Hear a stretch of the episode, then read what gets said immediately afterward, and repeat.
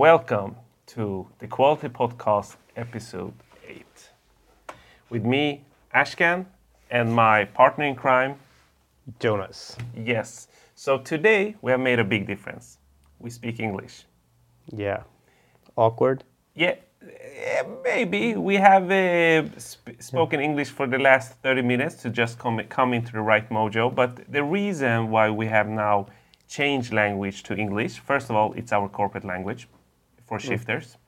Secondly, we actually had a request from one of our uh, global customers that said that we are releasing our podcast in Swedish, but they wanted to listen out on our podcast and they couldn't understand anything. So this is for you guys. I hope you watch this episode. This is at, least gonna have a bit of fun. Yeah.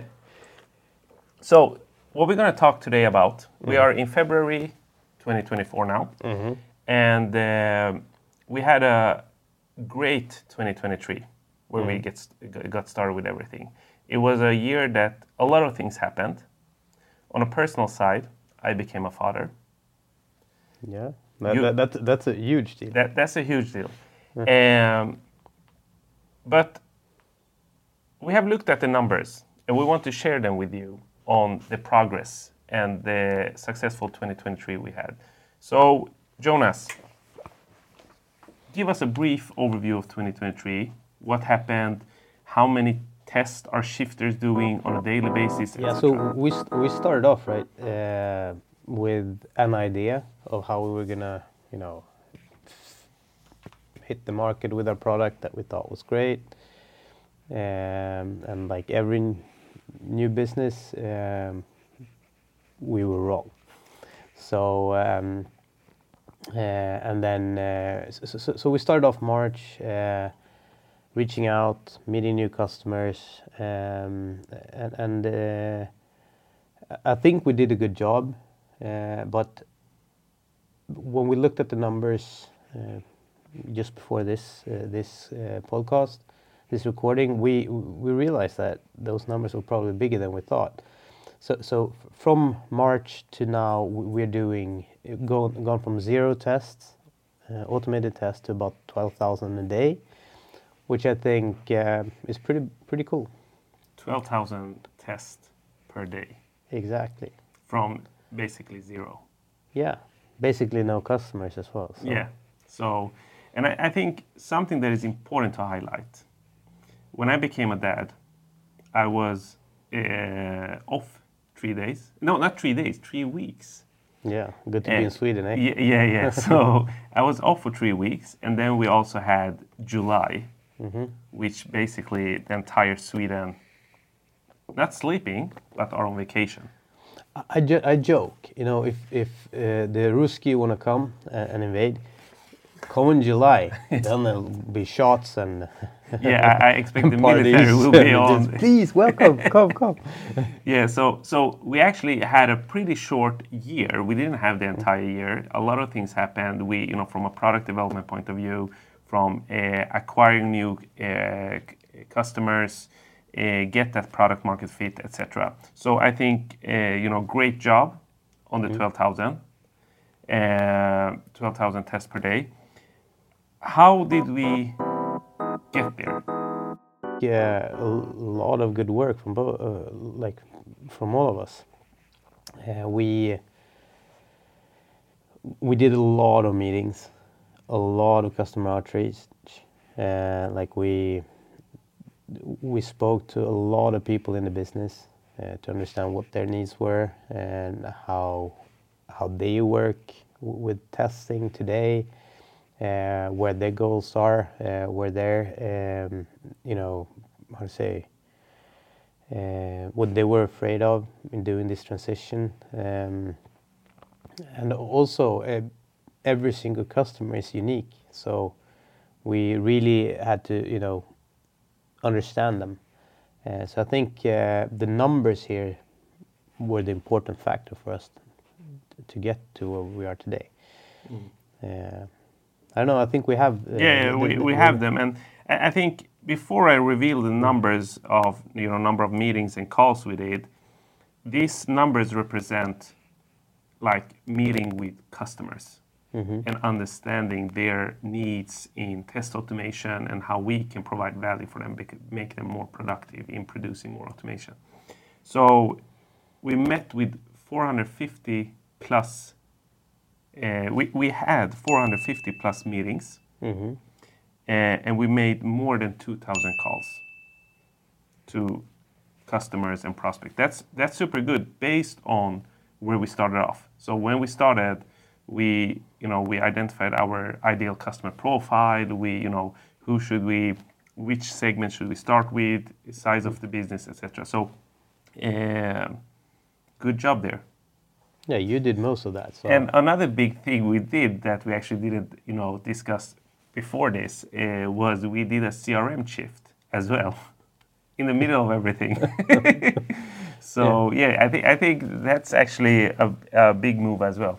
yeah, maybe, maybe. So uh, very good. But can you describe a little bit about, you know, 12? I want to go back on the 12,000 tests per day.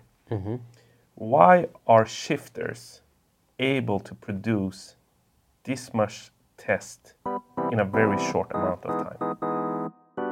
It, it's it's how we fetch information, how, how we retrieve information uh, from our customers, and how we transform that into a uh, is something runnable that we can run and we can run predictably.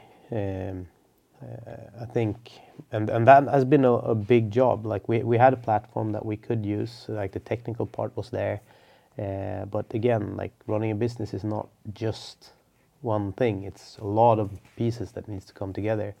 Uh, and uh, to be frank, I think if we look back in, Oc- in October, I think we had about maybe 10,000 tests for the whole of October. So, you know, I think we, we solved the, uh, we cracked the, the code somewhere in October, November, and that's when it took off. Yeah, exactly. so could you just repeat, uh, if you have it in your head, the number? So where were we in October, November, and where were we, you know, by end of the year in those two, three months? What what happened there? And you know, is there any reason for that? Is that the platform that we can, you know, exchange information very quickly? Our how how, how does our also customer success, you know, come into the picture? Yeah, I think I think the biggest thing that we did was that we removed the customer from the producing uh, equation. So I think uh, what we have seen when we have been out talking again, 450 meetings, a lot of talks, and, and, and those are the ones that we have registered. Um, Yeah, good point. exactly because I, I always fail. But uh, what we have um, uh, what we have learned during, learned during that period was like we, know that the customers really want to do this.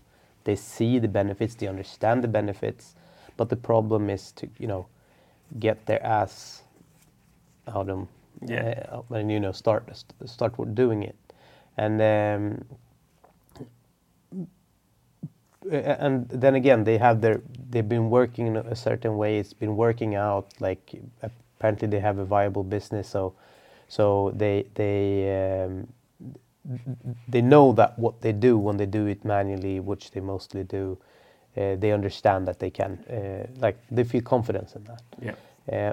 uh, so we so when we started asking them Let, let's you know tell us what we want to do put that into writing or you know uh, we do it in a meeting you know or, or we talk we, we take four hours a week from your test engineer you know or tester and that's a big ask because they're already their plate is full Yeah. they don't have any more time than, than what they are uh, what they have so that's why we decided to let, let's just remove them out of the equation. Yeah. Let's let's make that part.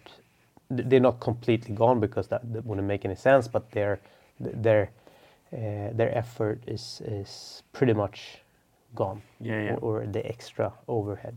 yeah, that they need. shifters. Yeah, exactly. So they become more from, you know, they start to work more tactical, strategic on how they go about with tests. Yeah. Uh, I had one more question or thing I wanted to discuss, but it popped out of my head with the last comment. um, so, for 2024, any expectations? I think we're going to see a big growth in our numbers. Uh, I think b- both in, in amount of tests and um, in amount of customers. Um, and I think we're probably going to start testing out new new avenues of, of testing as well, both increasing the, the type of testing, but also um, the customer segments. Yeah, So that's going to be it's going to be super super interesting year. yeah, Really looking forward to it. me too. Uh, I think it will be uh, the year will go go by super quickly. We're already mid mid February, uh, but we have promised also ourselves to not keep this podcast that long, hmm so our listeners, you know, get through it all. Um, I think that was it. Anything else that? Oh yeah, this is what I wanted to do because very often we talk more about the topic test automation. hmm Uh, today we have discussed shifters, you know, the company. So what we do for our viewers and listeners, we're gonna put a link to our website in the description. So if you want to know more, just click on there, get in contact with us. We are more than happy to set up a meeting to just discuss with you on what we do more specifically. Uh, but with that said, I think we're done with our first English podcast. It went pretty well. I don't know yet. Let, Yeah, let's- co- let's- comment. Maybe it was too much Swinglish. Anyhow, but thank you so much, Jonas, for sharing these numbers. I really look forward to uh, have the same conversation in the beginning of 2025. Thank you. Thank you. Take care, everyone. Thanks for listening. See you next month. Yeah. Bye bye.